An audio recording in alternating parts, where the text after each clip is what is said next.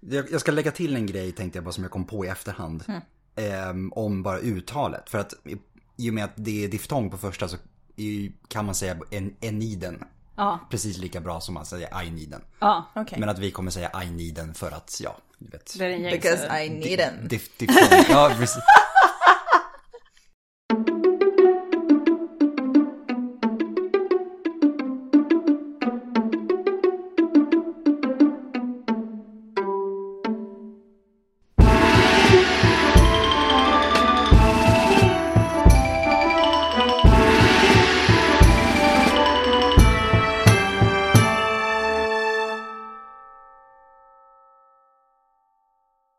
Hej och välkomna till ett nytt avsnitt av Podius Castus, en podd om antiken. Vi som sitter här idag, det är jag Adam. Ja, Hanna? Och jag Angelica. Och dagens avsnitt kommer att handla om en superklassiker. Ja, det är det Bland verkligen. antika böcker, får man väl säga. Även om det inte riktigt beskrivs på samma sätt under antiken så får vi ändå kalla det för en bok idag. jag. Och det är då Aeneiden. Som är eh, Vergilius mästerverk. Ja. Hans Opus Magnus. Opus Magnum, ursäkta, latinet. Det är båda bra inför avsnittet om latinet faller redan på, nu. redan nu. Ehm, Han, han, hans stora grej. exakt, Helt enkelt. exakt. Ja. Och vi ska ju då ta oss an eh, handlingen i Aeneiden. Mm. Det kommer utgöra huvuddelen utav avsnittet. Vi kommer gå bok för bok. Och sen kommer vi även ha en liten epilog där vi pratar om olika teman. Och lite grann om hur, hur Aeneiden passar in i sin samtid. Mm. Men vi inleder som, som, inte som vanligt tänkte jag säga, men vi inleder med en prolog. Prologen brukar komma i början, det var det jag ville, ville komma åt. Du, du, du kom ju på någonting smart Jag, här, jag tänkte Adam. det, prolog först och epilog sist. Jag känner att jag har liksom, Du har jag knäckt jag har hittat Ja. någonting Ja. som funkar. Um, ska vi säga bara innan vi drar igång helt och hållet, vi tar en pre-prolog. Det hittar jag på nu. oj, oj. Det Nu blir det avancerat. Ja, ja. Eh, för jag ska prata lite uttal bara av Aeneiden. För Mm. att eh, man behöver, eller om man säger så här, diftongen i början. Diftonger har en sån här tendens att falla bort med tiden. Tittar man på de antika språken så finns det ofta dito- eh, diftonger, både antikgrekiska och latin, som har försvunnit i moderna språk. Och exempel på det är ju till exempel Caesar. Där har ju till och med uttalet på C och K ändrats. Men som sagt, Caesar är ju diftong, Kajsar säger man på la- klassiskt latin. Men diftongen har försvunnit. Och precis på samma sätt är det med Aeneiden. På svenska idag kan man lika väl säga Eniden. Och det är precis lika rätt. Orsaken till att vi behåller diftongerna är bara för att hålla dem vid liv. Ja. Slå ett litet slag för diftongerna. Om det är någon som undrar vad en diftong är så är det då, alltså det är två vokalljud i samma stavelse. Ja, och i det här fallet så är det ett A och ett E i Exakt, början utav exakt. Aeneiden. Mm. Det blir ett Så aj-ljud. med det undanstädat Precis. ska vi hoppa in på, på, på prologen. Ja, men det kan vi väl göra. Eh, ska vi börja och presentera författaren? ja, men det är väl en väldigt bra start. Ja, vi brukar ju prata källor i det här fallet så är ju källan är ju, en, ja, är ju själva texten. Eh, Och då kan det vara eh, lämpligt att presentera den som har skrivit texten. Och det är ju då Publius Vergilius Maro och han är ju mest känd som Vergilius enbart. Eh, och han var ju, han är traditionellt ansedd som en av Roms främsta poeter. Eh, han var ju stor redan under sin samtid och även eh, i, ja, i nutid är han stor. Och han föddes den 15 oktober eh, 70 före vår tideräkning i den lilla byn Andes. Och då är det nära Mantua i Gallia Ci- Cisalpina. Det är alltså i norra Italien. Eh, typ Gallien på denna sidan Alperna. Det är ganska bra namn. Det är det. Det är, det är klart och tydligt, man förstår vad, det, vad, vi, var vi landar. Liksom. Och det som vi vet om eh, Vergilius liv, de detaljerna som finns bevarade, baseras troligtvis på en nu förlorad biografi utav den romerska poeten Varius. Eh, och den biografin har liksom bevarats i delar som är omnämnda av andra författare. Det här är Mm. ju ganska vanligt när det kommer till antika texter. Att man får pussla ihop det som nämns och eh, mm, ja, typ citeras Just det, hos andra. här, återskapa förlorade källor genom Ja, precis. citat. Och, och det är ju andra då antika författare, till exempel den senantika eh, Servius som, ja, som skriver kommentarer till den här texten och då nämner saker om Vergilius. Men det är ganska relativt lite som är känt om Vergilius tidiga bakgrund, om hans familj. Eh, antika källor beskriver hans bakgrund som ganska enkel. Men med det sagt så borde hans familj haft det relativt gott ställt för att kunna erbjuda honom den utbildningen han bevisligen fick. Eh, så att han borde åtminstone ha tillhört en landägande riddarsläkt. Så att det är ju liksom inte slummen Nej. vi pratar om. Precis. Även om det var en enkel i deras eh, ja, elitens bemärkelse. Ingen senatorsfamilj liksom. Nej, det nej. räcker för att vara en enkel, enkel bakgrund. Ja, och han fick ju bland annat utbildning i Neapel och i Rom.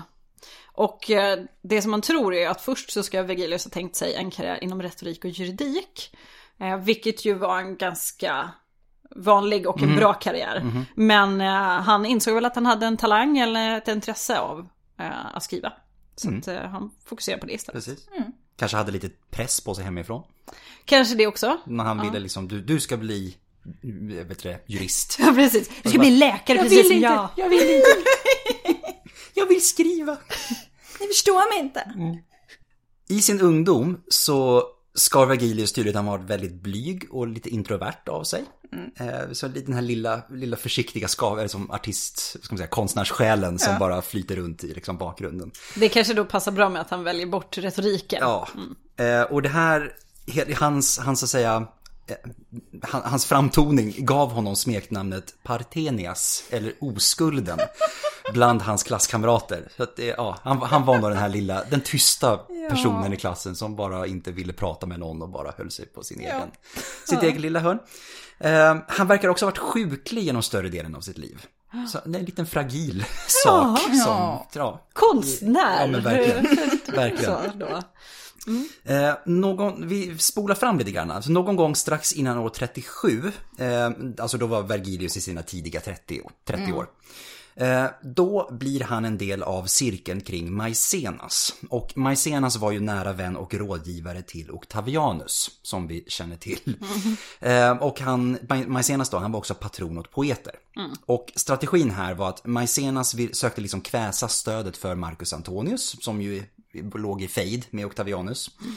Ehm, och han ville då som sagt kväsa stödet bland Roms ledande familjer genom att samla viktiga författare till Octavianus sida. Som då skulle lovprisa honom istället och snacka skit om Marcus Antonius. Och om det är någon som lyssnar som inte vet vem Octavianus är, han blir sen Augustus. Augustus, yes. Bara så. så vet man. Men då kommer vi in på dagens ämne, som är Aeniden. Och eh, under sina sista 11 år i livet, 29 till 19 för vår tideräkning, och då var han 41 till 52 år i ålder, så jobbade Vergilius med Aeniden, som på latin heter... Ja, eh, Aeneis. Jag var redo, jag var inte alls redo. Nej, det var inte alls Så, I am redo. actor. Jag väntar på min cue, så bara, nej. Aj, ned. Aeneis heter den i alla fall. ja. Som enligt poeten Propertius var en beställning av Octavianus, sedermera då kallad Augustus, som Hanna då sa. Och verket följer den trojanska hjälten Aeneas och hans resa från det brinnande Troja till Italien. Och Italien då, där ödet bestämt att han ska skapa en ny framtid åt trojanerna. Och kom ihåg ödet, ödet är viktigt. Mm. Aeneas var, eh, han fanns liksom sedan tidigare i eh, grekisk, romersk legend och myt. Eftersom han förekommer i Iliaden.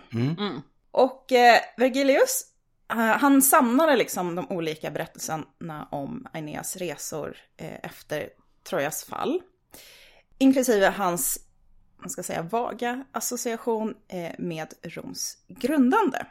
Och då formade han eh, Aeniden till liksom en sammanhängande grundarmyt.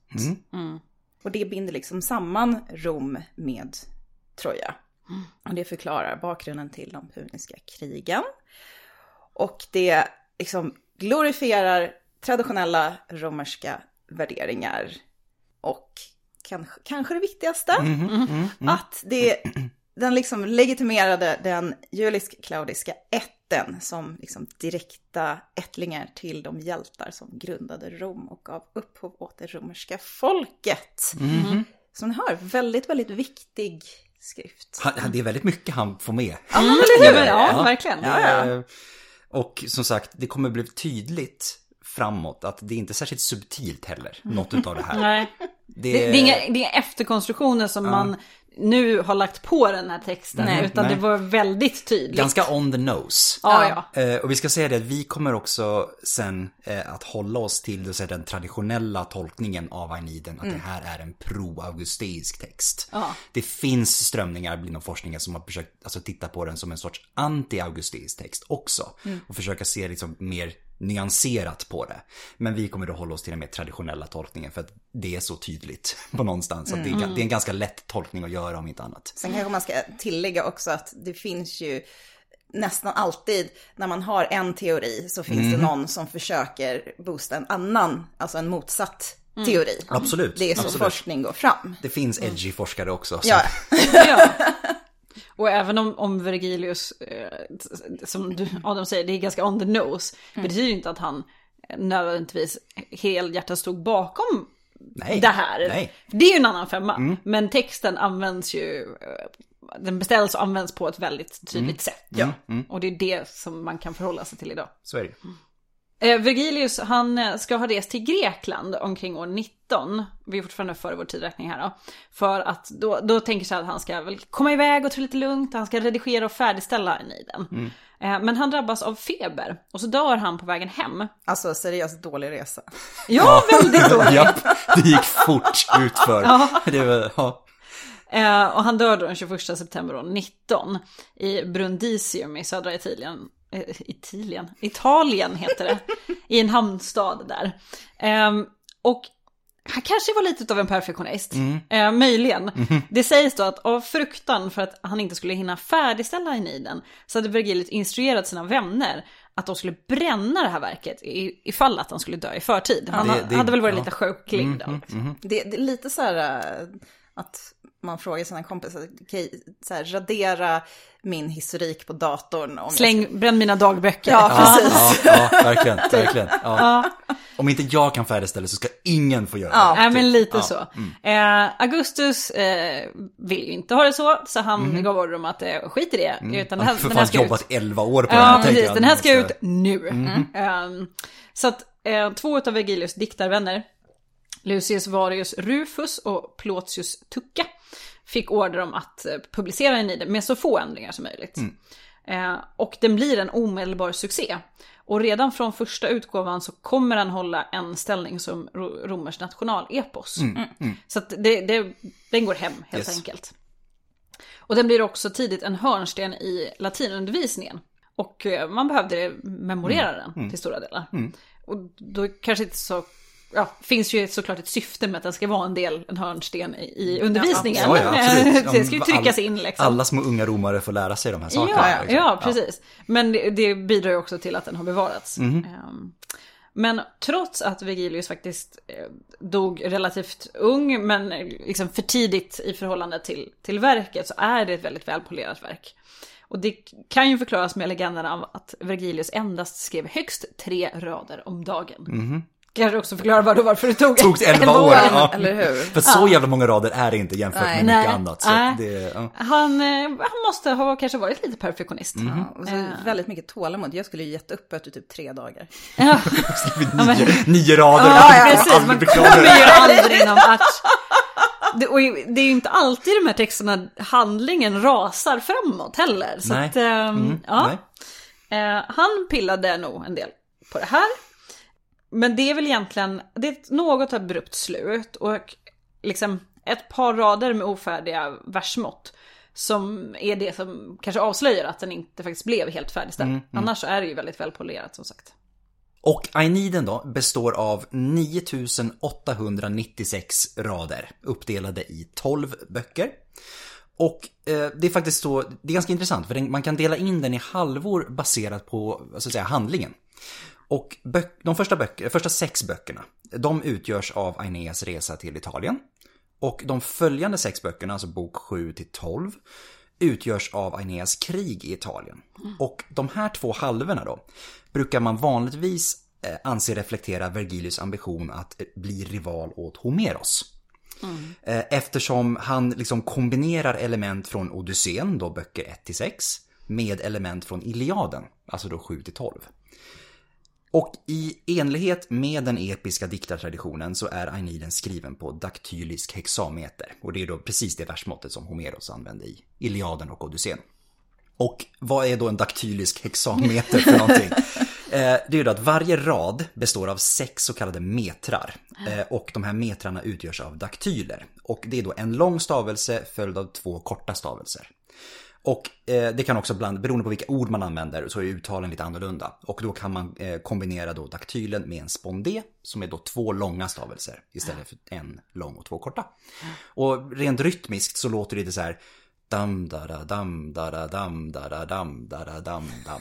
Typ så. Ja, Ja. så det, det är den Okej, rytmen man vill åt. Eh, Så när man kommer in i att läsa det så det, det, det, det är snyggt. Rullar det på bra, Ja, liksom? det, Ja. det är snyggt som sagt. Det är inte det, är inte det lättaste. Nej, nej, att man, göra. nej jag kan ju förstå att det ändå kräver lite eftertanke. Det är kanske inte som att skriva ett sms. Nej, nej men verkligen. Och ska man flexa lite grann, eller flexa inte grann, men liksom mest kanske titta tillbaka på en ganska stressig tid i livet. Det var när, när jag pluggade latin, så var en, en tenta vi hade, var, det var muntliga tentor. Eh, och eh, då var, eh, en tenta gick ut på att man skulle lära sig bok fyra av Aeneiden eh, på versmått och dessutom kunna översätta den on the fly. Och vi visste inte när, när i boken man skulle börja från. Eh, utan det var liksom bara, ja men plugga. Jag tänker så här, visste inte vilken tid, de kunde komma vilken tid som Ja, nej, nej, nej. På dygnet. Det, men så att då fick man sitta där med, med, med lektorn eller, ja, och så bara liksom läsa korrekt, på korrekt versmått då, och sen kunna översätta det man precis har läst. Mm. Det var en stressig period i mitt liv. Jag har aldrig pluggat så mycket i hela mitt liv som jag gjorde när jag pluggade latin. Ja, det förstår jag. Det är enda gången man någonsin har kommit upp i den här åtta timmar om dagen eller vad man säger för något. Det är den. Det är Ja. den, ja. Mm. brutalt. Sen, sen tänker jag att liksom, versmåttet hjälper ju till när man, sen ska, om man, när man ska lära sig något. Det är precis Ja, som så här, ja, läsa klart. på rim. Om man får till bra rim Ja. så sätter det sig mycket Så enklare. jag kommer Ja, absolut. fortfarande ihåg första raden av bok fyra i Aeneiden på latin. Låt höra det. Att regina graviam dudum saucia cura. Snyggt. Och det betyder någonting i stil med att men drottningen redan sårad i sitt hjärta, typ eller något sånt där. Så, ja, mm. Så att så kul kan man ha det. Plugga gärna det här Japp. ämnet. Japp.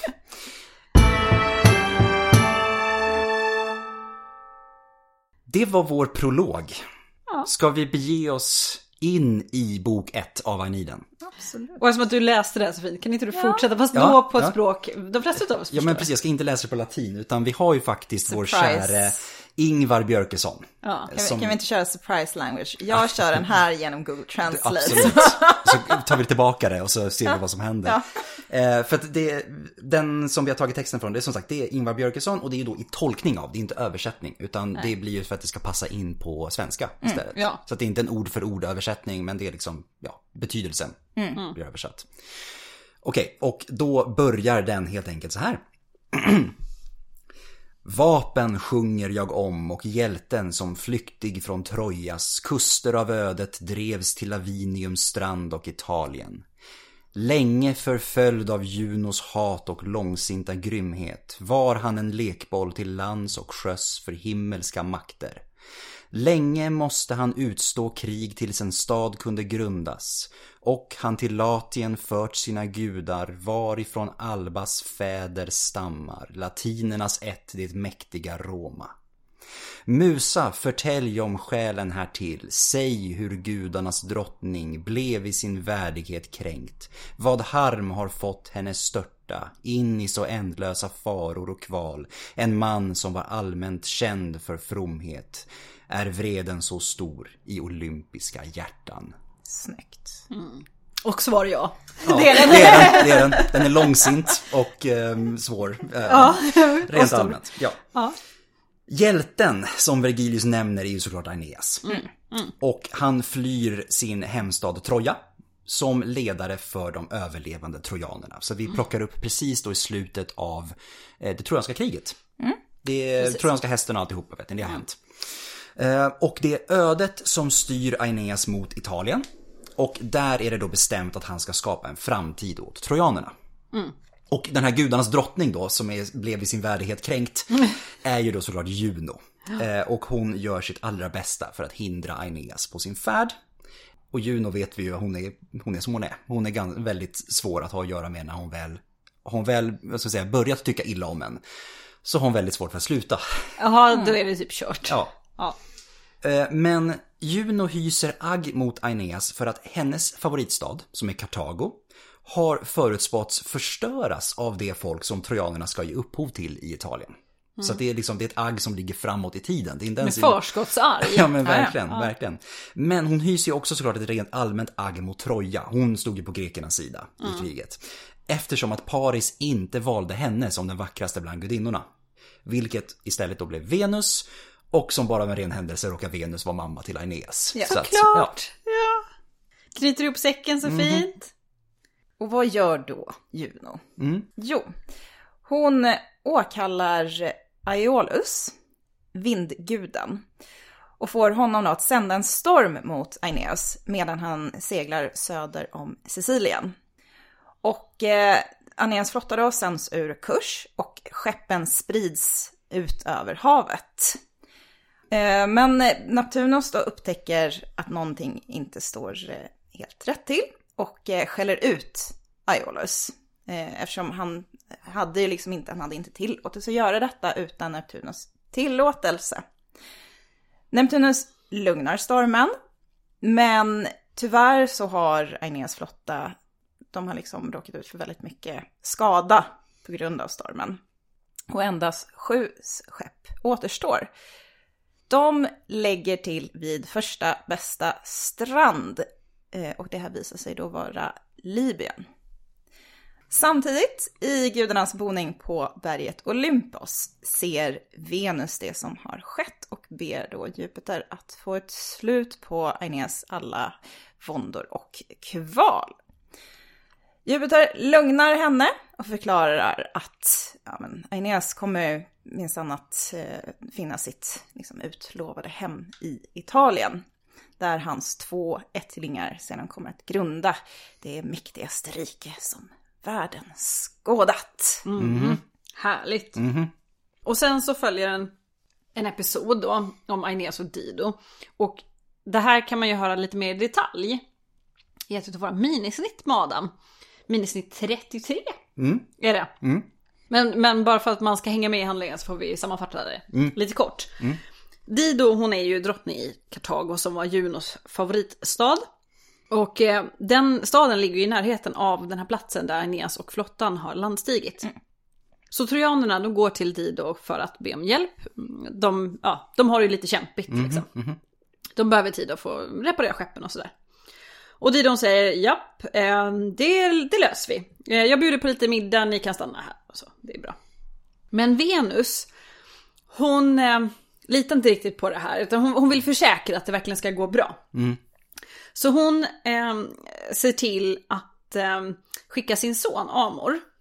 Eh, och, och liksom skickar Amor på Dido. Och gör henne head over heels. Alltså så här eh, psycho galning kär i Aeneas. Får man nog säga att det är. Ja, ja. Och sen då så, så blir det, ja, handlar bok två och tre mycket om, om kanske, deras relation vet jag inte om man ska kalla det, utan det är egentligen Aeneas som sitter och berättar för Dido vad han har varit med om. Ja, Så lite ensidig relation kanske. verkligen.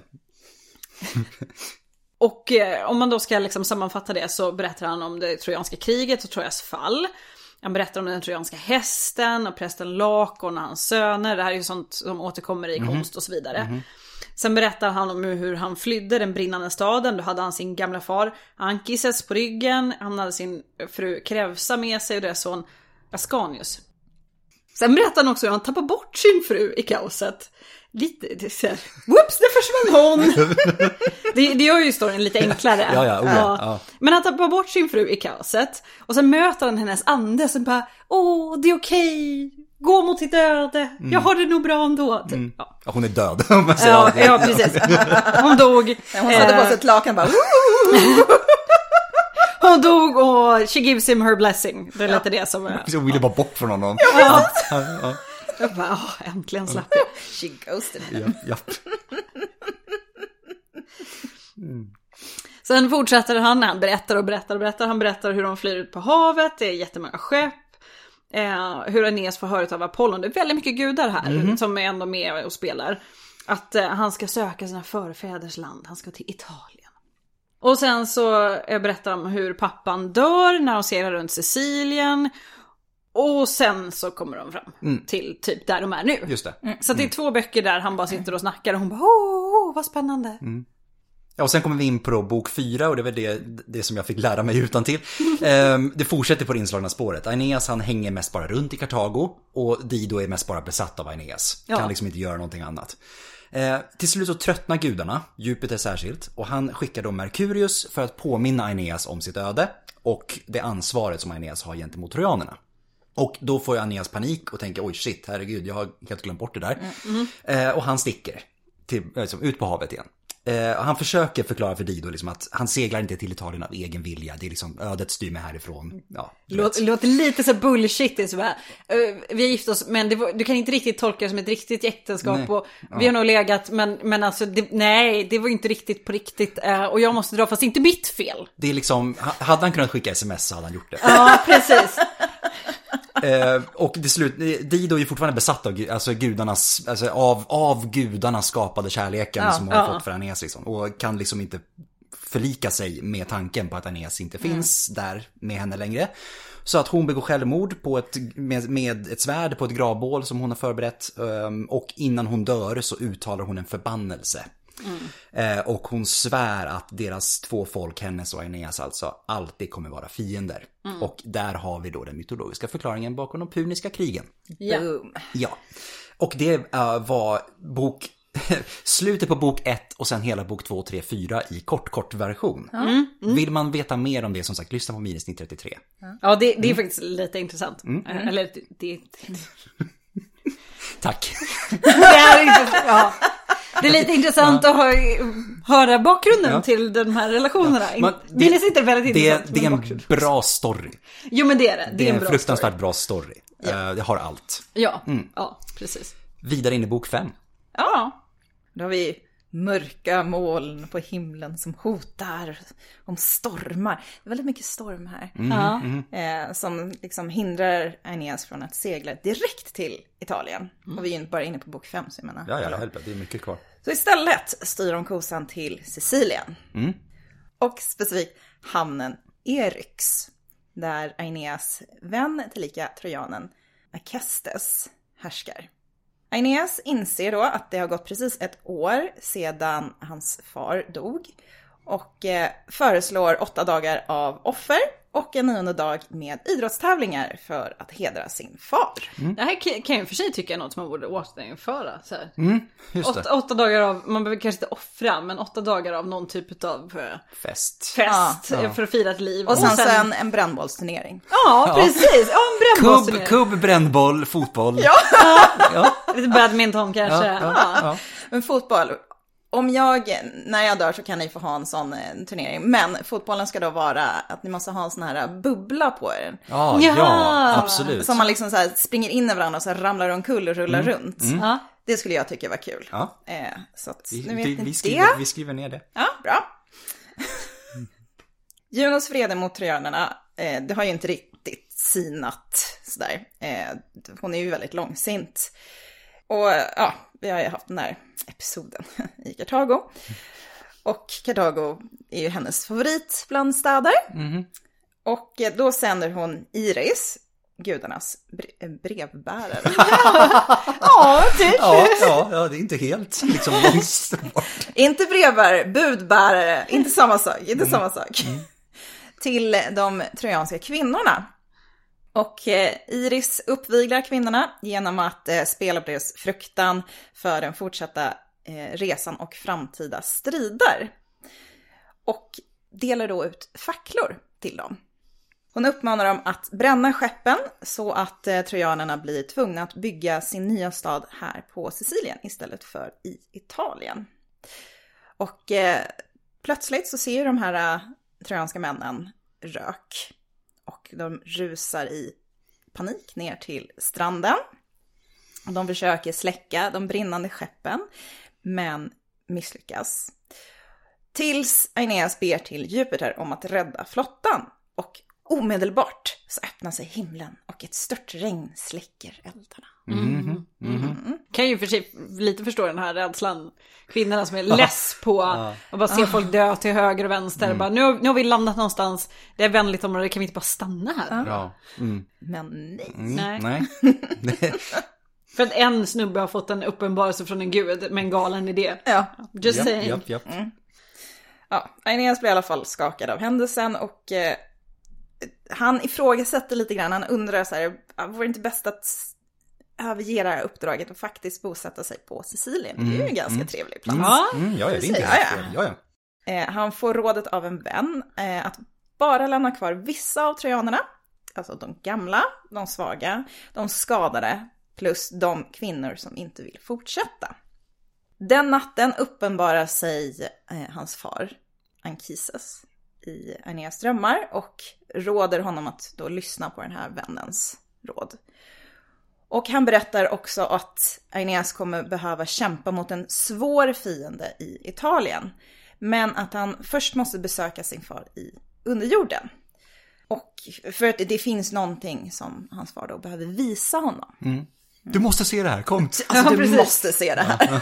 Jag kan komma till dig i dina drömmar, men jag tänker inte berätta nej, det här. Nej, nej, nej, nej, du måste se det, kom. Kom till underjorden. Kom till underjorden. Du får kämpa, det är värt det, jag lovar, Mm. ja, jag ja, lovar. ja. Följande morgon. pull my finger.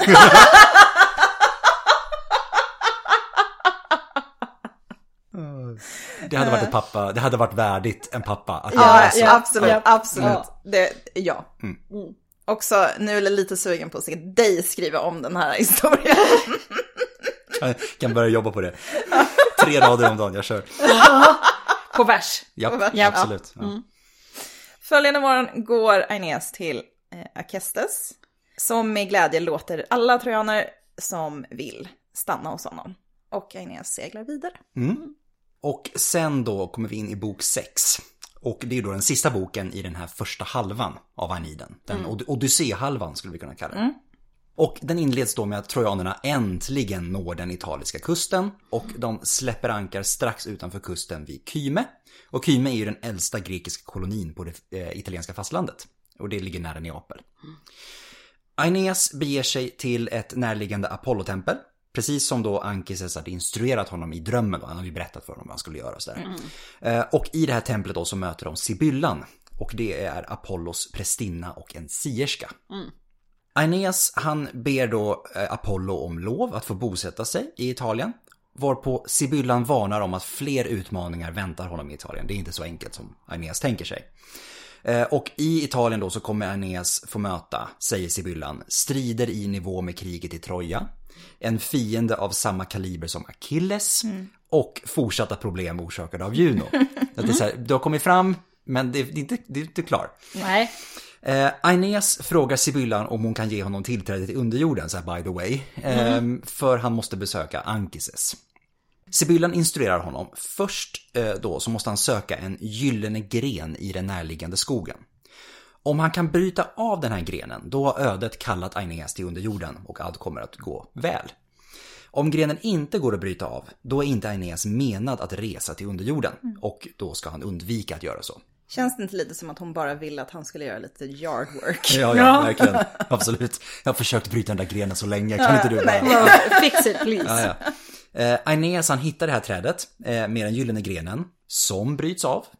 Och han tar med den tillbaka till Sibyllan. Som i sin tur då leder honom till underjordens portar. Och de båda de vandrar då genom underjorden.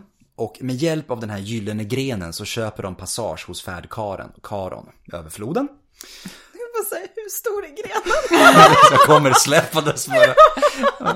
Eh, Och eh, på andra sidan så fortsätter de färden. De går ju i de här olika delarna av underjord efterlivet. Och eh, Aeneas han ser Dido och försöker förklara igen att han lämnade ju faktiskt inte henne av egen vilja och helt vet hela den här biten. Men, Jag var tvungen! ja, precis. Men hon vänder bort från honom utan att säga ett enda ord. Liksom. Yeah, she ghosted him.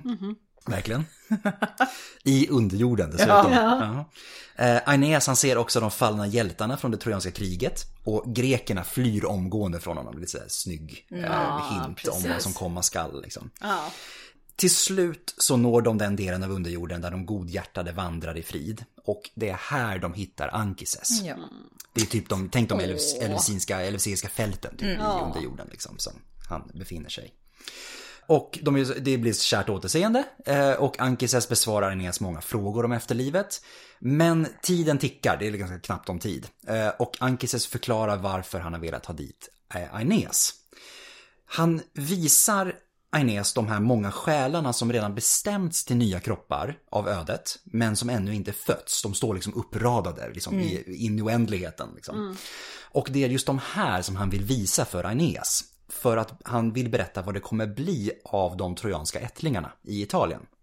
Och han säger så här, för att bok 6 är en klassisk bok i Aeniden, så vi måste ta lite, vi måste ta lite. Eh, Jag kanske inte läser den på hexameter, men vi, vi, vi tar i alla fall bara för man får höra lite grann vad det, vad det är Ankises säger. Du är så exalterad. Ja, ja, jag tycker det här, det här, men det är här saker binds ihop på något Ja, sätt. Liksom. Jag tycker det är lite kul.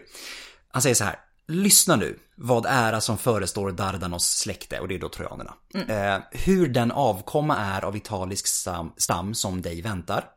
Stora andar bestämda att ärva vårt namn i en framtid, ämnar jag visa dig här och uppenbara ditt öde.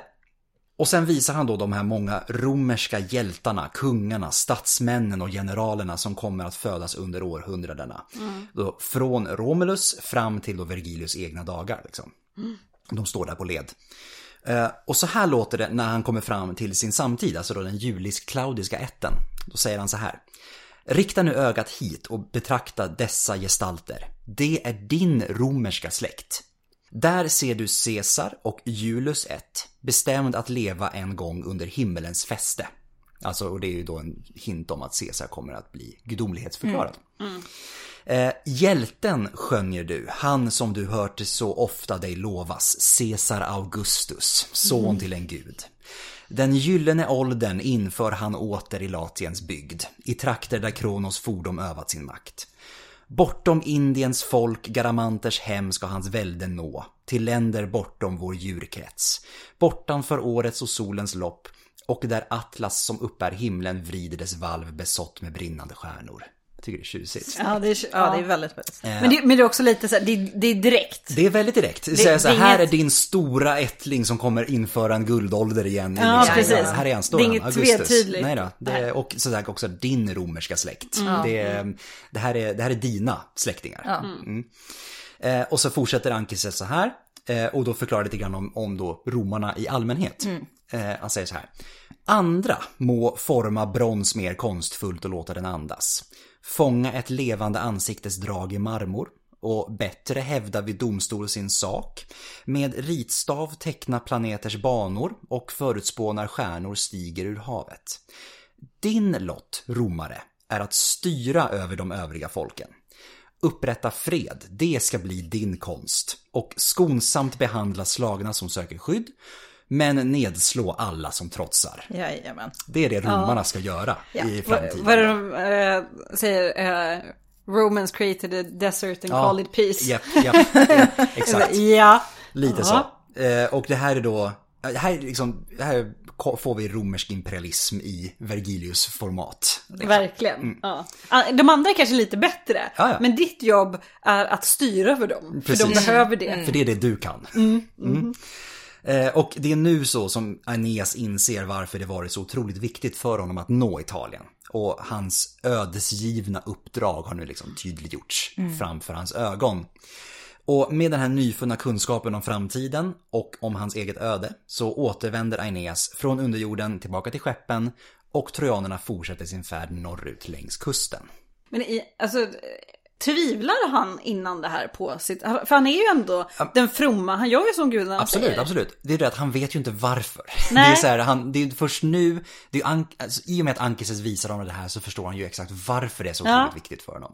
Han har bara varit det liksom så här, okej, ja men jag, jag, gudarna vill det, då kör jag på liksom. Jag tycker han kunde in- byggt in lite mer spänning i det här genom att göra honom en tvivlare först. Det är verkligen så här, okej jag behöver förklara varför. Ja.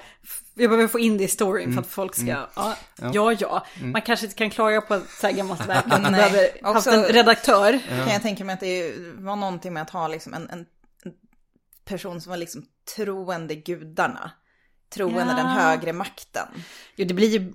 Ja, fast jag kunde få tvivlat lite. Det hade blivit lite snyggare storyline.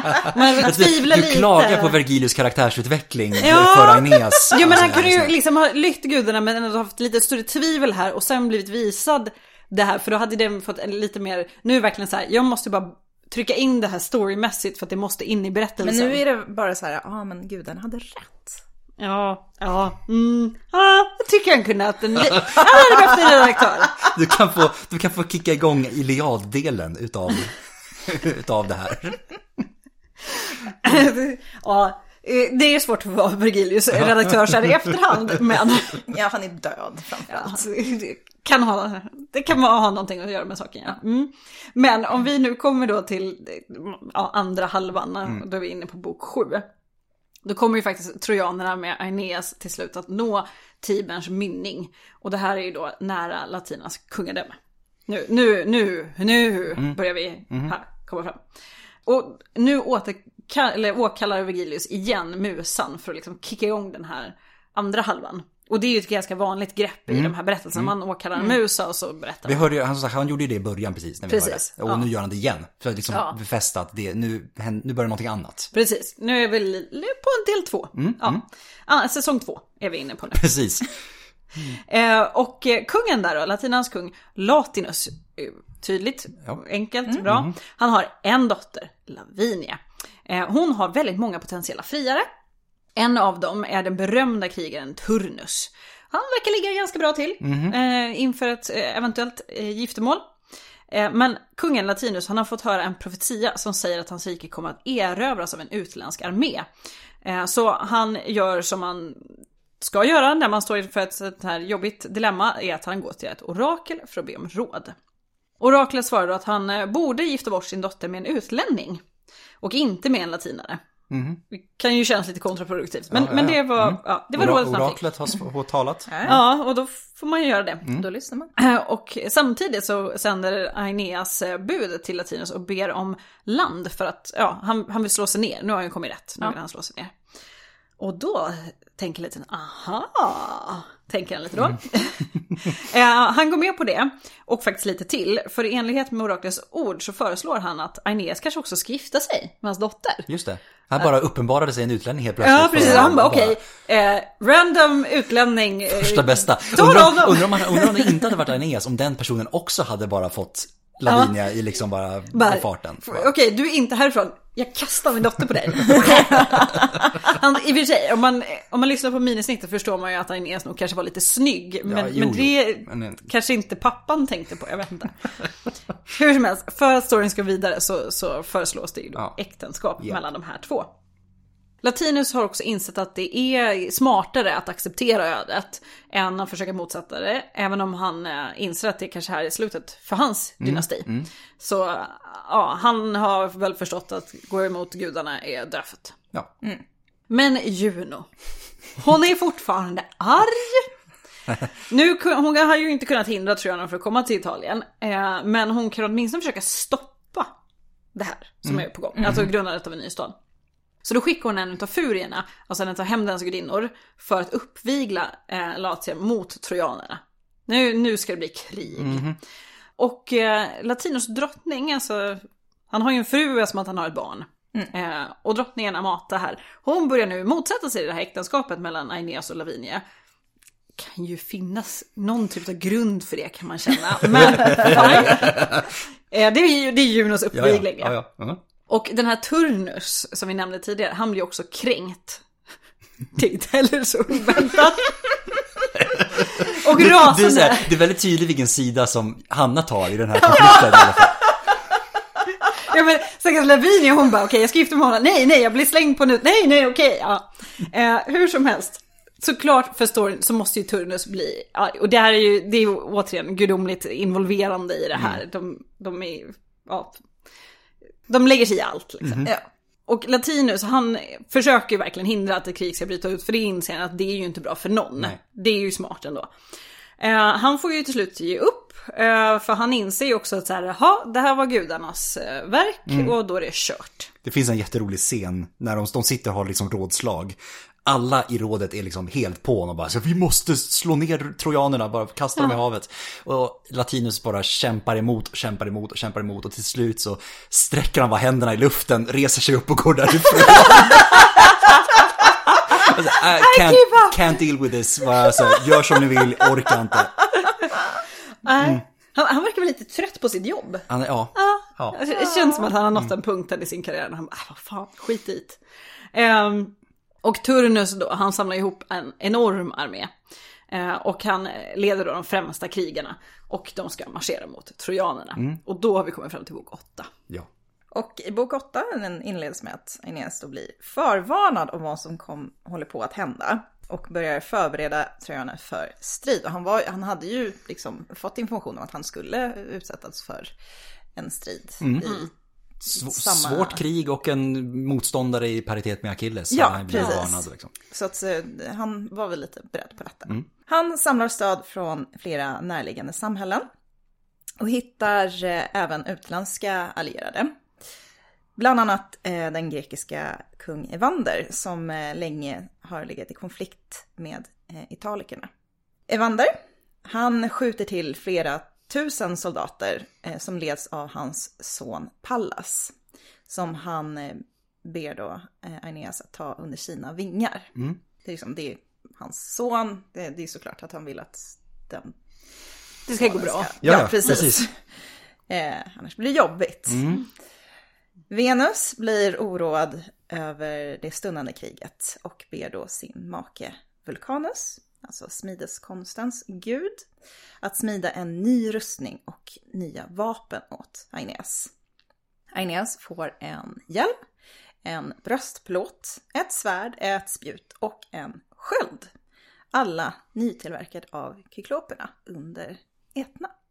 Han är lite unfair advantage. Ja, han, har, han har en mamma som är en gudinna. Det är Ja, lite, precis. Det är lite unfair. Precis. Också, tänk på hur stark han måste vara för att orka bära upp allting det här. Ja. Ja. Mm. Just Men, saying. men jag kan också säga, det lär ju öka på hans sexapil om man har Venus Mm. som mamma till en början. Och sen får de här snygga dyrbarheterna. Ja, ja. Ja, ja, han För övrigt, är det bara jag som får så otroligt cinematisk bild i huvudet av kykloperna under Etna som smider den här rustningen åt Aeneas? Det ser så otroligt dramatiskt ut i mitt huvud. liksom. Ja, ja, ja. Och så sen får han på sig när kommer och det är så här Carola-fläkt. och Bombastisk liksom. musik i Ja, bakgrunden. ja, ja, ja. Och det liksom i takt med ja, hammarslagen på ja. städet. Ja, Och Etna som exploderar i... la- Ja, det är bara så. Det är lite ja. slow motion. Exakt, ja. Man ska precis. kastas upp lite Ja. lava bort. Alltså, jag tänker så här, hela Eniden som, som en film hade varit väldigt jobbigt. Men man, alltså, delar av den hade ju verkligen så här, Ja, ja. nästan rakt av tryckt in i en Hollywoodproduktion och så Oh, utkom en absolut. film. Absolut. Kanske en serie. Ja. Kan, ja. Mm. Och om, om man får sprida ut så över ett par säsonger tänker jag, så man verkligen får liksom göra Ja, det här säg fyra, bombastiska. fyra, fyra säsonger. Liksom. Ja, men En- typ. Två säsonger per halva. Ja, ja, det hade nog varit bra. Vi på det. Vi, kör, vi skapar en YouTube-kanal och gör det. det här själva. Absolut. Absolut. Den, Ja. den som, om jag ska säga det också, den som kan sin, sin Iliaden känner igen delar. Borde Ja. göra det i alla fall. Ja. Utav sådana här grejer. Eh, Absolut. Vilket ju såklart också var till fördel för Absolut. Virgilius när han Oh, skrev. Ja, ja. Ja. ja men det spelade han ju på. Mm.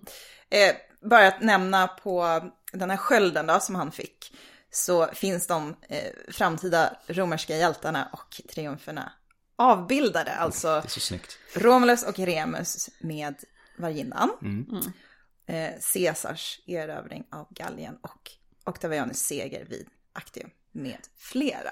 Så så han, slåss, de här- han slåss för ödet. Ja, liksom. ja, ja, han slåss för ödet. Och alla de här åren så är det så nerkokat till vad de här händelserna, varav flera ligger i väldigt Jag tänker nära så här, det bara råkar också vara en viss familj som... Ja, precis. Och väldigt i närtid till när man skriver. Det är underligt att det var Ja. de grejerna som fastnade på den här skölden. Japp. Men det var bok åtta. Det var bok åtta. Bok nio. Nu, nu som sagt, nu är vi inne i Iliaden-delen. Ja. Och nu är det väldigt mycket som händer utan att handlingen förs framåt. Ja. Så att vi, vi håller oss till just de delarna som bara, så att säga, driver handlingen. Vi behöver inte veta vem som har ihjäl vem och vem som hoppar över vilken sten och du vet. så- Nej, ja. Eh, utan nu, bok nio, kriget är igång. Det är ett faktum. Trojanerna, de har byggt en fästning som de, vill, som de försvarar. Men inom kort blir de belägrade av latinarna som leds av Turnus. Och latinarna, de får reda på att Aeneas, han är iväg och samlar allierade. Så de går till angrepp mot fästningen. Eh, trojanerna de leds av Ascanius, som då är ju Aeneas son. Eh, och de slår tillbaka och de rusar ut i motangrepp. Och det blir en hård strid. Turnus dödar många trojaner, men tvingas till slut blåsa till reträtt. Mm. Det, är, det är egentligen vad handlingen är i bok 9. Sen är det väldigt många fler rader och som sagt om vem som slåss mot vem och vem som dödar vem och vem som hoppar som sagt över vilken sten och sådär. Ehm, så det behöver vi inte ta i detalj. Nej. Och i bok 10 då får vi ju mer veta vad som eh, sker hos gudarna. De sitter ju där på Olympen och eh, ser vad som sker och Jupiter han, eh, han tycker vad fan. Så han eh, sammankallar gudarna till ett möte. Kom ihåg att han har ju precis avslutat det trojanska kriget. Ja, precis. Snart. Jag tänker bara nej, de är igång igen. Ja, och där var de ju också högst involverade. Också att han säger vad fan, så att han ju precis blivit kristen också. Ja, ja, absolut. I förväg. Efter trojanska kriget så tänkte han nu måste vi gå över till mer fredligt.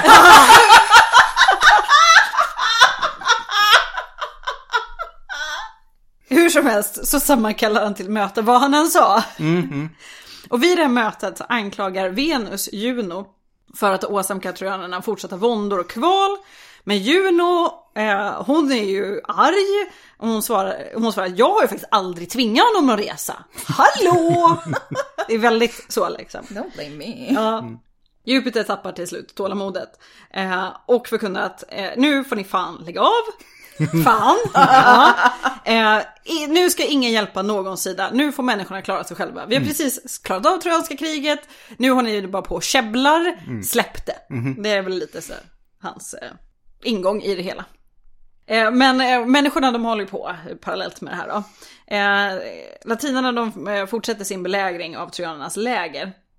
Och kort efter soluppgången så ser Turnus en flotta närma sig och leder då sina män till stranden.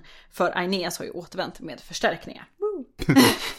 Också bombastisk musik, du vet, den sväller Ja, liksom. Han ser ja. på, det säger, han blir bländad av solen först liksom och sen ser han skeppen, för det är som i seglen Ja, bara. precis. Liksom, så Oh, snett fram så här. Ja. Jag hör det, jag hör det. Ja, jag kan se det också. Ja, mm. Ja. Och det här leder ju såklart till en strid. Eh, och i striden så kämpar Pallas, alltså Evanders son som vi nämnde. Han, le- han kämpar tappert, han leder sina män så skickligt att eh, vågskålen tippar över till trojanernas fördel. Och det här kommer då dra till sig Turnus uppmärksamhet och han utmanar då Pallas på tvekamp. Och dödar honom och tar Pallas bälte som en trofé. Aj, aj. Ja. Inte helt oväntat Nej. kanske, Nej. Eh, men, men så går det. Eh, när Aeneas då får reda på att Pallas har dött så försänks han i en galenskap. Eh, och eh, då får han extra, han kommer i andra andningen kan man säga. Så han hugger vilt ner varenda latinare han ser i jakt på Turnus. Han går eh, bärsärkare helt enkelt. Eh, och det hjälper inte att be om nåd. Aeneas dödar allt och alla. be cray cray. Men uppe på Olympen så ser Juno att striden är förlorad och ber då Jupiter om lov att få rädda Turnus från Aeneas. Och Jupiter hade ju sagt att nu ska vi inte lägga oss i, men han går ändå med på det här. Jag orkar inte. Nej, han bara ja, ja, ja. Gör, gör vad du måste göra. Så Juno hon flyger ner till striden och så skapar hon en skugga som efterliknar Aeneas. Eh, till skillnad från alla andra skuggor som inte efterliknar Aeneas. Vilket då, den här skuggan är ju den som Turnus då ser och jagar upp på ett skepp. Och så fort han har kommit bort på skeppet, då eh, låter Juno det flyta ut på havet och skickar iväg honom. Och han kan inte göra någonting. Han Liksom bara, bara, jag kan inte simma. Jag kan inte simma. Nej, I och för sig, han har rustning på sig. precis. Då är det dumt så att att simma. då är det dumt att Ja. simma. Han skulle ju kunna ta av sig rustningen. Jag förstår han är naken. Han kan ju inte slåss naken mot Aeneas liksom. Det hade Eller- blivit en väldigt eller- eh, heroisk eh, Ja, seger är om han sant. hade Ja, lyckats. det är sant. Ja. Ja. Men, men han, ja, han är inte ämnad att lyckas Nej. riktigt. Eh, så att sammanfattningsvis så den här eh, galenskapen som Aeneas eh, drivs in i när Pallas dör, när han bara tycker att det är värt och rimligt att hugga ner allt och alla, så gör han att eh, han vinner den här striden. Alltså. Ja. Då har vi kommit till bok 11. Upprinnelsen. Ja, och då är vi på dagen efter striden. Och då eh, ordnar då Aeneas så att Pallas kropp återförs till kung Evander. Och kung Evander blir ju såklart väldigt, han blir ju förkrossad eh, eftersom hans son är död. Men han eh, ursäktar ändå eh, Aeneas eh, eftersom Pallas, han dog ju som en hjälte i strid. Det var viktigt. Och eh, han säger nu att det enda han vill är att se Turnus eh, död. Och det är liksom, det skulle vara vedergällningen då. Budbärare anländer från latinerna och eh, båda sidor går med på en eh, 12 dagar lång vapenvila. Så att då de kan begrava sina döda, väldigt många döda. Kung Latinus framkallar ett råd där eh, flera nu börjar tycka att ja, Turnus kanske bara borde utmana Aeneas till tvekamp om Lavinia. Istället för att offra fler personer i strid. Det känns lite onödigt. Latinus, som eh, var emot det här kriget från början, säger att han inte tror på en seger och föreslår att de erbjuder mer land åt trojanerna i utbyte mot fred. Men då ställer sig Turnus upp och anklagar ilsket de andra för att vara fega och att de måste fortsätta strida. Jag ska ju gifta mig med Lavinia. Ja, Han har lite mycket testosteron just nu. ja precis. Som, ja. Jag har dessutom suttit på ett skepp. Ja, eh, men så säger han om nu rådet vill att han skulle så här, strida mot Aeneas eh, ensam då. Så ska han göra det utan fruktan. Ja. Just då så anländer en budbärare som berättar att trojanerna marscherar mot Latinus stad. Och eh, latinerna rusar då till försvar. De får veta att Aeneas delat upp sina styrkor och eh, Turnus beger sig genast iväg för att lägga sig i bakhåll för Aeneas, som tar en långsammare väg genom bergen. Stadens försvar överlåts till Camilla. Eh, och Camilla är volskernas ledare. Volskerna är... Ett, ett folkslag i, eh, i det här området. Grann, granne med latinarna. Liksom. Okej, bra. Som eh, då eh, länge håller trojanerna eh, stången liksom. De, ja, Avstånd. Utanför avstånd, murarna. Precis, Ja. utanför murarna. Men sen dödas de i striden. Turnus nås av nyheten att försvaret håller på att kollapsa och blir då tvungen att överge bakhållet precis när Aeneas marscherar förbi. Bok den sista, nummer 12. Bok den sista. Ja. Eh, det har nu blivit trojanernas tur att belägra latinarna. Och latinarna de håller sig då inuti Latinus stad. Turnus han bestämmer sig för att utmana Aeneas för Lavinia, precis då som de andra ville att han skulle göra. Eh, och Aeneas han säger ja absolut, vi kör, kom igen. Dagen därefter så ställer då båda arméerna upp sig utanför staden för att se den här tvekampen äga rum. Eh, som sagt, Iliaden, allihopa. Kom ihåg, Ja. tänk. eh, Juno oroar sig för Turnus och hon uppmanar hans syster Juturna att vaka lite särskilt över honom. Så Juturna hon tar det här till sig, hon förklär sig till en officer och uppviglar då latinerna till att bryta det här avtalet. De ska ju anfalla trojanerna nu såklart, för att nu är ju trojanerna helt oförberedda på strid. De står ju bara och väntar på den här tvekampen.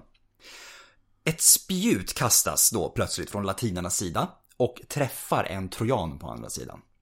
Och det här blir inte så, det tas ju inte emot så snällt liksom direkt. Nej, Eh, nej. Och Aeneas han försöker desperat hindra en strid från att bryta ut. Men hans rop tystas av en pil som skadar honom i benet. Och striden är ett faktum. Våldsam, våldsam strid bryter ut än en gång. Eh, när Turnus ser att Aeneas förs bort eh, skadad från slagfältet så får han förnyat hopp och tänker yes, nu kör vi, kom igen allihopa. eh, han glömmer alla tankar på den här tvekampen. Väl tillbaka i trojanernas läger så hjälper Venus till med att läka Aeneas sår. Det går liksom superfort för att hon är ju såklart hon är gudinna. Så att det, hon strör lite salva över det där och sen är det bara hopp, Tjup, hopp, hopp och lek. Eh, och Aeneas beger sig därefter genast tillbaka till striden. Latinarna de flyr ju såklart omgående från honom. Eh, Och Aeneas inser att staden har lämnats oförsvarad. Alla är ute på fältet. Så han samlar snabbt ihop en grupp med trojaner och intar staden.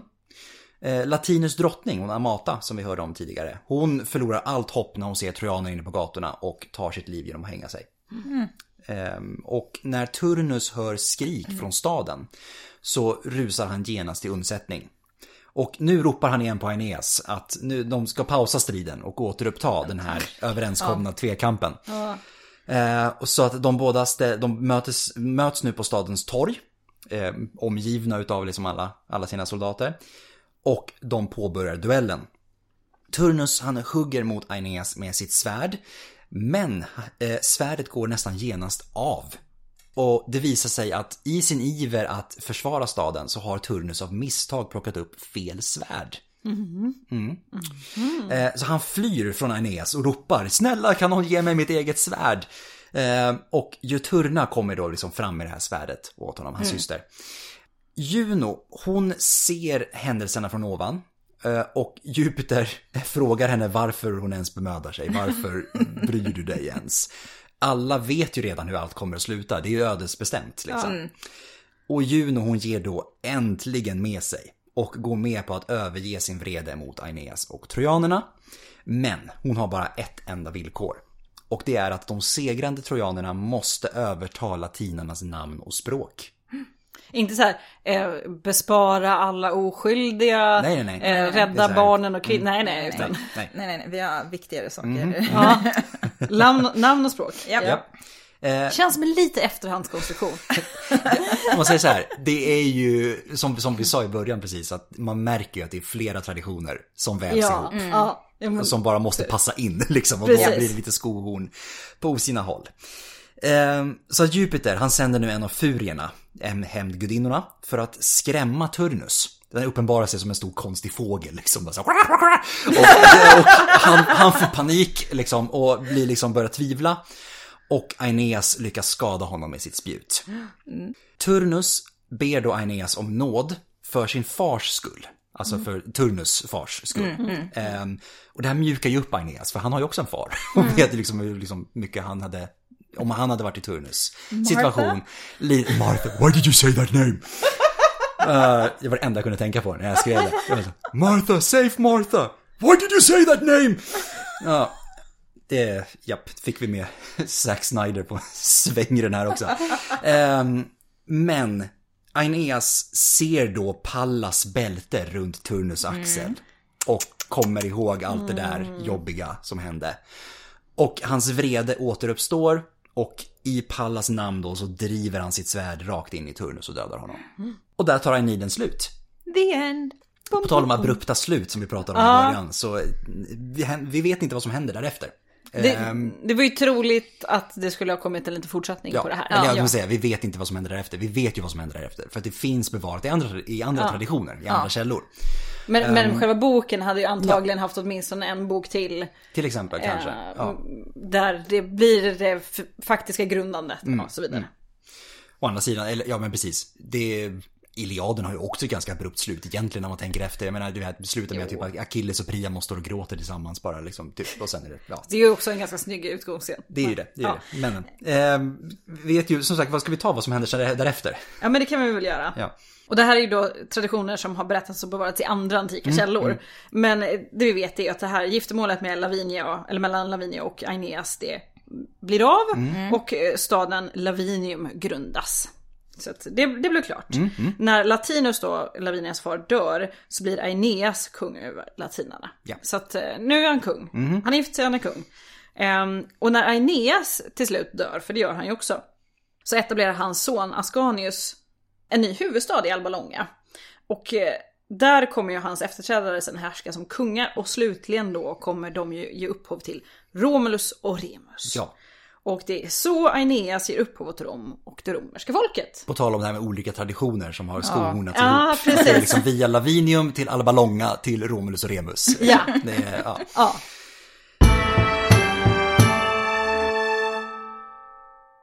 Det var Agniden.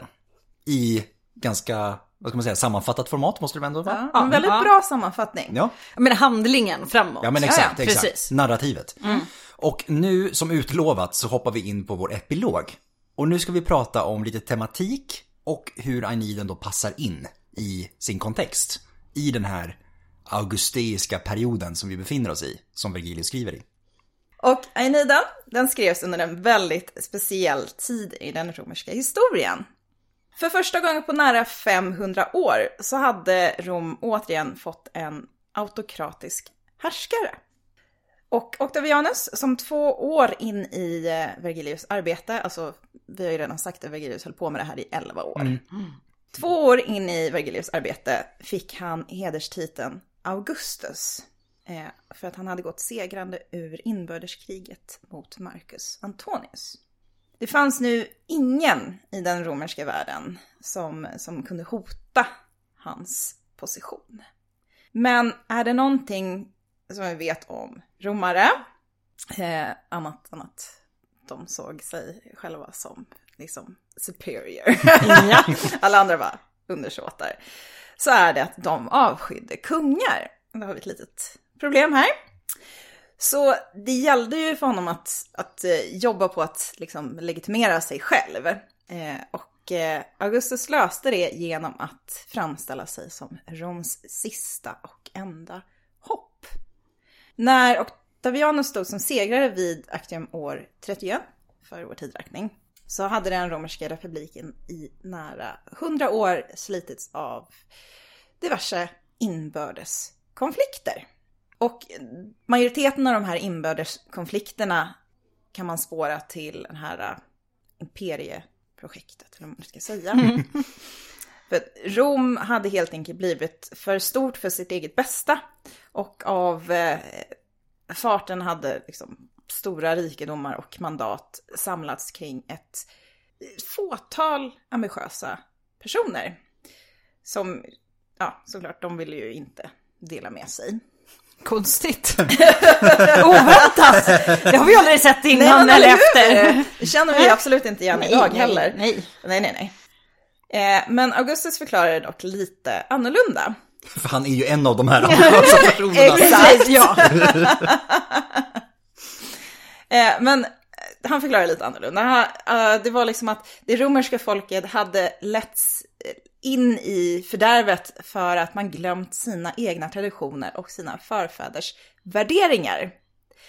Och allt det där som, ja, det var ju det som en gång gjort Rom så underbart och fantastiskt. Det var en moralisk kollaps eh, och ett försummande av gudarna som orsakat det här århundradet av smärta. Det är ju en retorik som man känner igen. Det, det är Den, väldigt, ja, ja. den är återkommande genom historien Den är välanvänd. Den är väldigt välanvänd. Och då menar han då att nu ska det bli ändring på det här. Ja, ja. Och självklart så fanns det ju bara en person som kunde göra det. Go figure. Och då skulle man ju sätta sitt hopp till Augustus. För att han skulle ju leda Rom in i en ny guldålder. Det skulle vara fred och välstånd. Så make Rome Magnus again. Yes. Ja.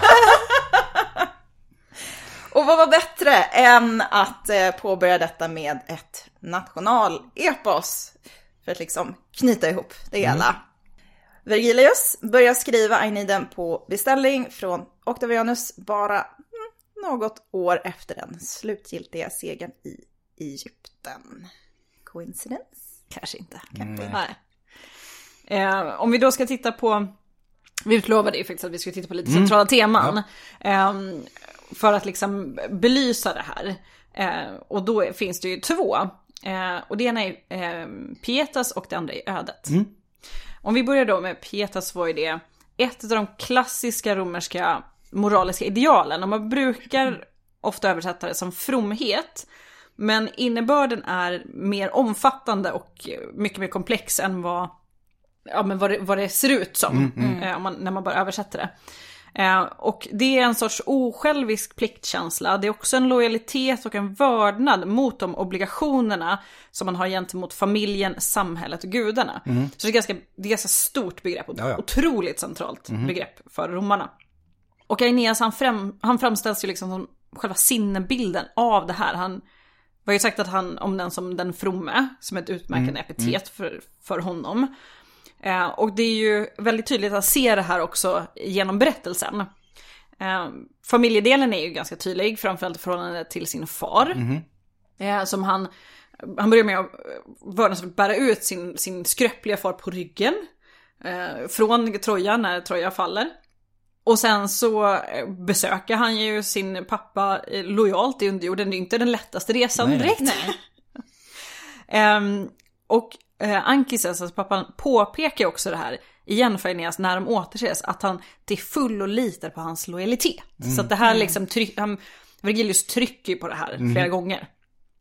Och så, som vi också pratat om lite tidigare under berättelsens gång, det är tydligt att se att Aeneas är from gentemot gudarna.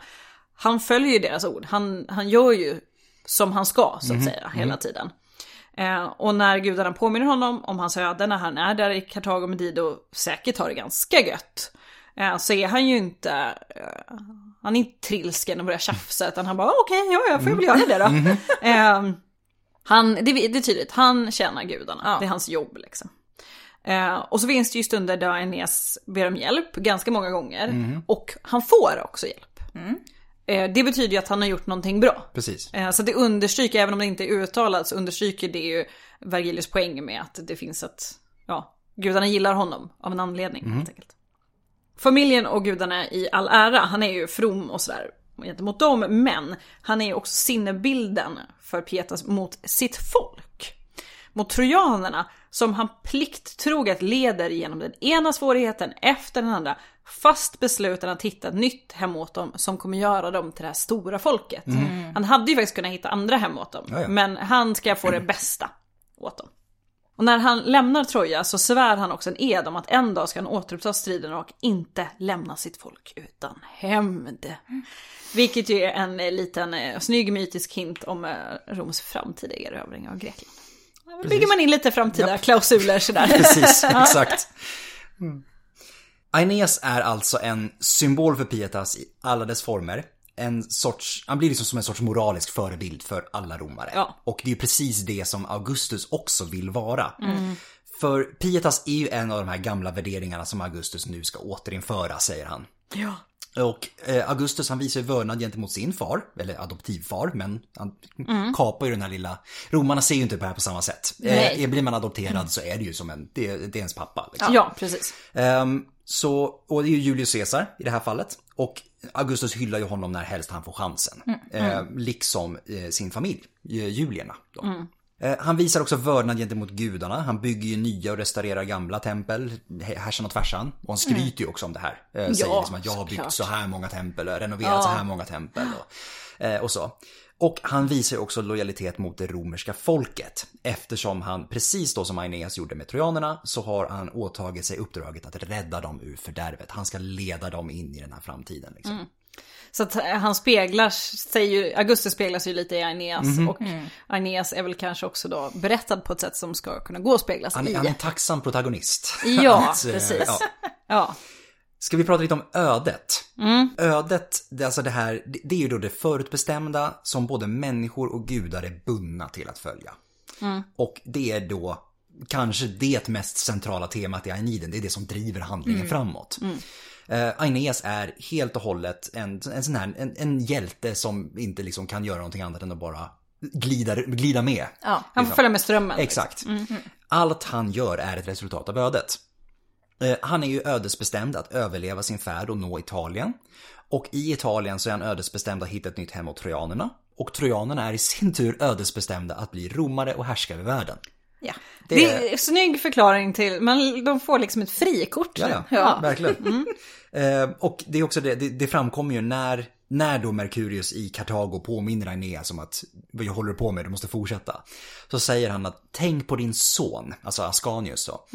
Åt vem hela det italiska riket är lovat. Liksom. Så att du gör det här för, du gör det inte bara för din skull, utan du Nej. gör det för framtiden. Liksom. Precis. Ehm, och som sagt Aeneas hela tiden till Dido det här, jag lämnar inte av egen vilja. Det är ödet, liksom. Ödet driver mig härifrån. Och här är det då viktigt att poängtera att det finns ju en skillnad mellan ödet och gudomligt ingripande. För gudarna har faktiskt inte kontroll över ödet. De kan inte heller påverka ödet. Nej. Men trots detta så försöker de ju. Ja. För, och Juno i synnerhet. Men hon kan bara försena ödet. Hon kan inte ändra ödet. Nej. Ödet det framträder ju också väldigt tydligt vid Aeneas besök i underjorden. För det är ju här som Ankises visar honom de här själarna som har bestämts nya kroppar men som ännu inte fötts. Och det är här som läsaren då får veta allt det som Rom åstadkommit genom åren. Och att det har varit förutbestämt bestämt redan från början. Alltså, romarriket är ödet. Ja. Det kunde inte ske på något annat sätt. Nej. Det var meningen att romarna skulle härska över alla andra Ja. och bringa fred åt världen. Ja. Och det här skänker ju också såklart legitimitet åt allt det som Rom har haft för sig genom Ja, alla år. ja. Liksom. Det Ja. var meningen.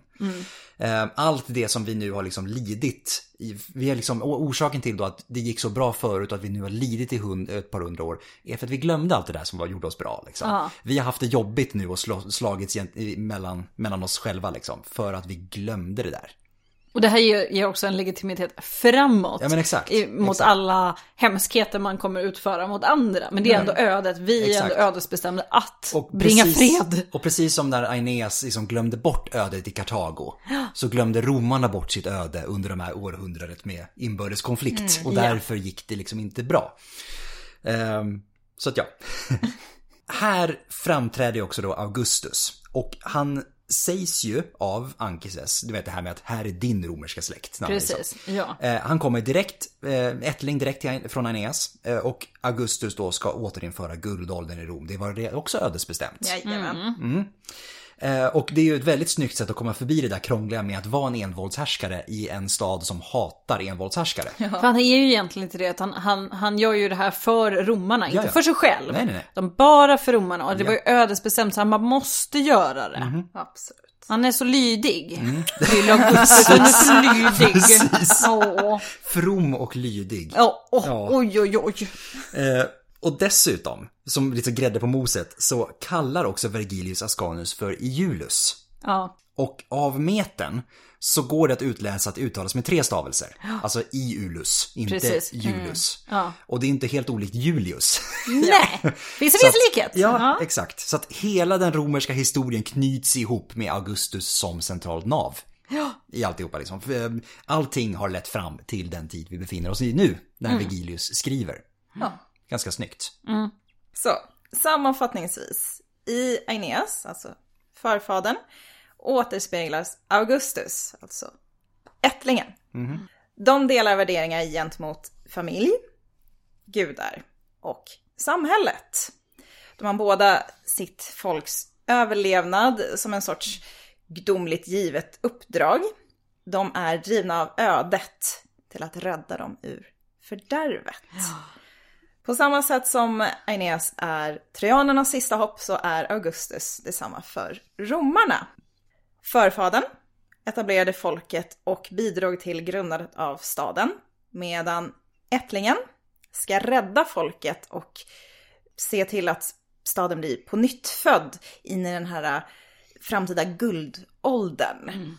Precis som trojanerna samlades runt en stark och kapabel ledare efter den här katastrofen i Troja, så ska nu romarna samlas runt Augustus efter katastrofen med inbördeskriget.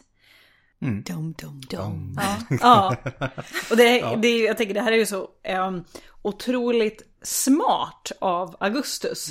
Han beställde ju det här och visserligen vi- visste ju inte exakt hur utfallet skulle bli. Nej, nej, nej. Men i och med att det här blir populärt, det här blir ett nationalepos i princip på en gång. Mm. Det är en hörnsten i utbildningen. Mhm. Det här är ju, det är ju något som har matats med från tidig ålder. Ja. Japp. Det är klart att det spelar roll. Ja, Absolut. Alltså det är ju propa- det är bra propaganda från hans sida, det funkar ju. Mm. Ja, ja. Eh, och till det så är man ju trött på det här ständiga krigandet. Mm. Ja, Fred är ju något man vill ha och här kommer en snygg förklaring till varför Augustus inte är en kung och man inte behöver hata honom. Ja. Ja, ja, det är väl praktiskt liksom. ja väldigt. Ja, Ja, ja. Och dessutom får man en riktigt bra story med på köpet också. Ja, Absolut. ja men för det Som är det ju, absolut. Som, som står ju på egna ben, men, men det är ju väldigt intressant att se Mm. det i ljuset av sin samtid. Absolut.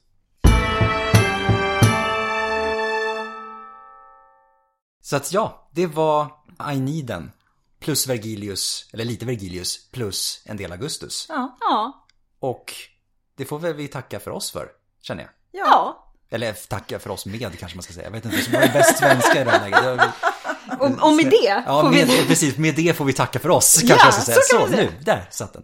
ja, och om ni vill komma i kontakt med oss så hittar ni oss på Facebook och Instagram. Eh, och eh, så kan ni skriva till oss på podiuskastus.gmail.com. Och så kan vi ju faktiskt nämna också Mm. att om man vill se oss, eller höra, se, se och höra oss live, In the flesh. in the flesh, på riktigt så att In säga, the fläsk. så så kommer, eh, eh, kommer vi dyka upp på Kulturnatten i Stockholm. Yes box. Eh, I år som är 2023. Om man nu lyssnar på det här någon annan gång. Ja just det, precis. Och det är den 22 april. Ja, Lördag den precis. 22 april.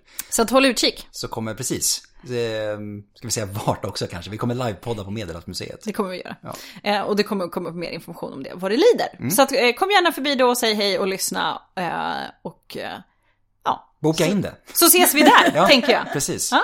Eh, och med det så säger vi Tack för idag och på återhörande.